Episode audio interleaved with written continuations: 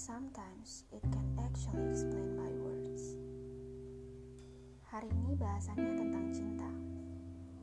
Siapa sih yang gak pernah merasakan cinta dalam hidupnya?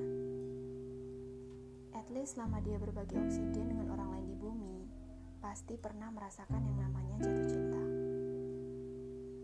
Cinta itu seperti 5W plus 1H, layaknya menyusun kronologi sebuah peristiwa dalam berita. Kita tidak pernah tahu pasti apa itu cinta. Ada yang bilang ketika kamu mau berbagi perasaan dan apa yang kamu punya dengan orang lain, itulah definisi cinta yang sederhana. Dari mana dan kapan datangnya cinta, kita juga tidak pernah tahu pasti.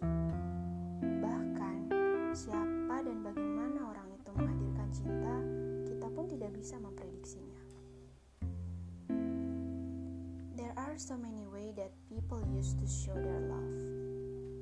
Cinta yang aku dan kamu peroleh dari keluarga pasti rasanya akan berbeda dengan cinta yang kamu dapat dari teman ataupun dari pacar. Masing-masing orang mendefinisikan cinta dengan kata-kata mereka sendiri dan tergantung dari perspektif orang menilai cinta itu seperti apa. Kalau aku sendiri, jujur aja, aku nggak bisa mendeskripsikan atau menjelaskan cinta itu apa. Karena menurutku itu hal yang bisa diilhami pakai perasaan.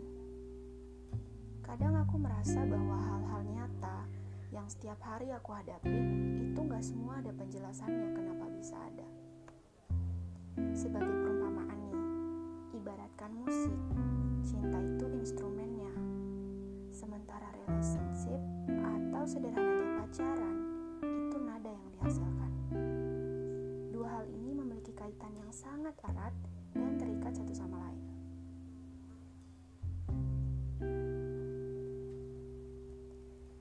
Bahas-bahas cinta kali ini, aku bakal fokus ngomong soal percintaan anak muda atau generasi milenial sekarang. Sejauh yang aku tinjau, ada banyak banget istilah yang ada di dunia percintaan anak muda sekarang. Salah satunya adalah bucin. Kalian pasti akrab bukan dengan istilah yang satu ini? Bucin yang merupakan kependekan dari budak cinta. Well, ya sedikit sarkas sih kedengarannya. Tapi buat milenial sekarang, ini tuh istilah yang umum dipakai untuk menggambarkan tentang hubungan antara dua orang atau sebuah pasangan di mana mereka mau melakukan apa aja untuk menyenangkan satu sama lain. Bukan buat tujuan pamer atau pengen kelihatan romantis, tapi ya itulah cara mereka memperlihatkan perasaan cintanya masing-masing.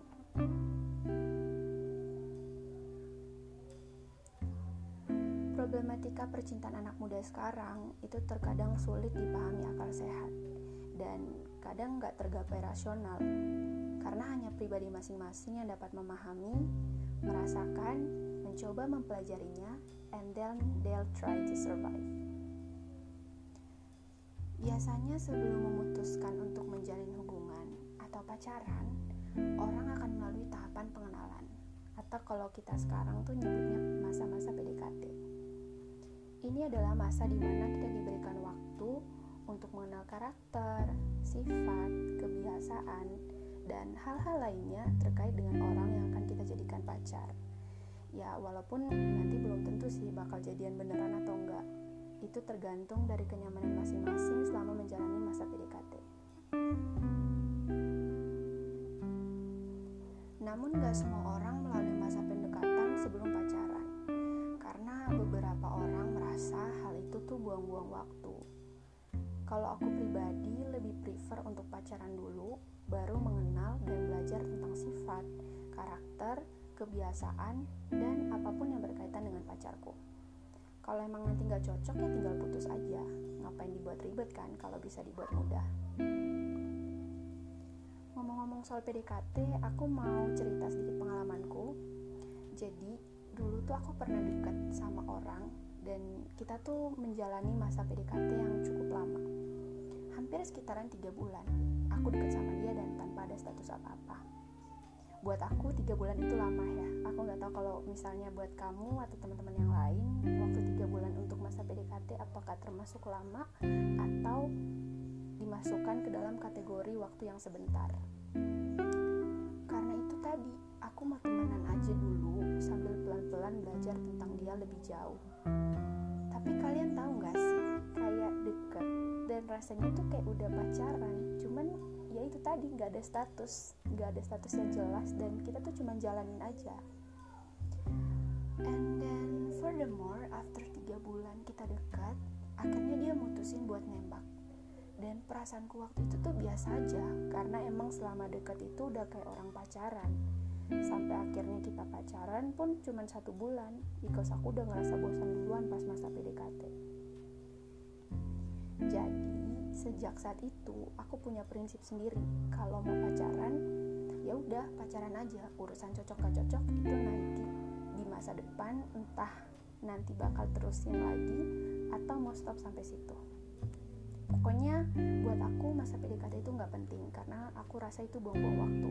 Tapi tergantung dari kalian sendiri. Kalau misalnya kalian memang butuh untuk masa PDKT ya udah jalanin. Atau kalau mau pakai prinsip aku langsung pacaran juga nggak apa-apa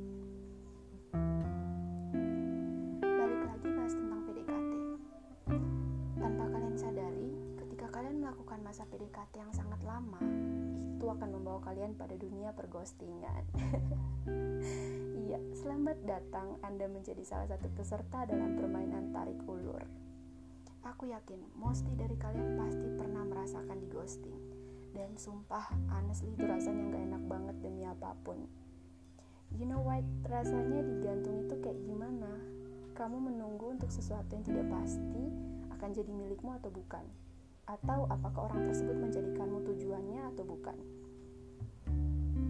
Ghosting seakan menjadi momok yang ditakuti oleh kita sendiri dan bahkan kita tidak bisa menghindarinya because it happened around us.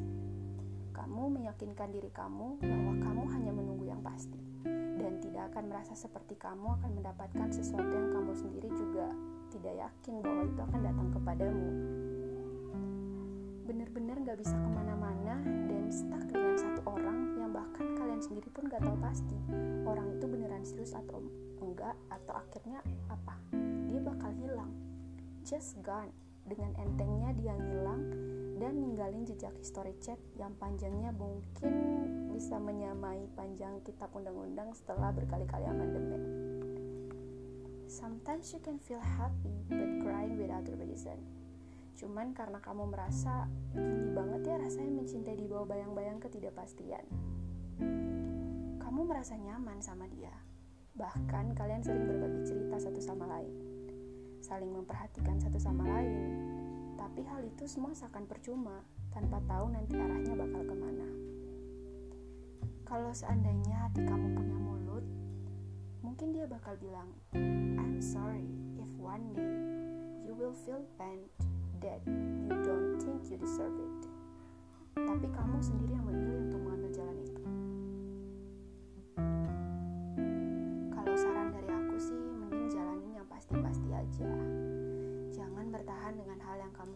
juga nggak tahu apa tujuan ke depannya. Diri kamu sendiri paling tahu kapan harus berjuang dan kapan harus berhenti. Jangan sampai effort kamu itu sia-sia, kayak waktu yang kamu udah pakai itu terbuang percuma. Well, ya namanya kalau udah komitmen untuk membangun hubungan sama orang, itu emang harus punya pendirian. Jangankan pacaran, buat berteman aja kita juga kan pasti milih-milih menyesuaikan dengan habit kita. Karena circle itu mempengaruhi banget loh sama kehidupan kamu. So pintar-pintarlah milih orang yang akan kamu ajak komitmen. Kalau masih ragu-ragu mending gak usah. Fokus aja dulu sama hal yang lebih penting. Kayak misalnya kerjaan kuliah atau mungkin fokus menjalani hobi dan biarkan hal itu membuat kamu tidak kepikiran terus. Gak bisa dipungkiri kalau lihat orang lain yang bisa semulus itu jalanin komitmen sama pasangannya. Tapi balik lagi, tiap orang kan punya standarnya masing-masing. Aku pernah ketemu beberapa orang yang rela nurunin standar dan gengsinya cuman buat dapetin orang yang dia mau. And I think itu nggak apa-apa sih, fine-fine aja tapi perlu berpikir dua kali nggak sih seharusnya emang udah yakin orang itu bakal lakuin hal yang sama kan gak menutup kemungkinan juga. Belum tentu ntar bakal dijadiin prioritas. Well ya cinta ternyata kalau dibahas nggak sesingkat kata cinta itu sendiri. Ya it's too complicated kalau diomongin dan butuh waktu yang gak sebentar.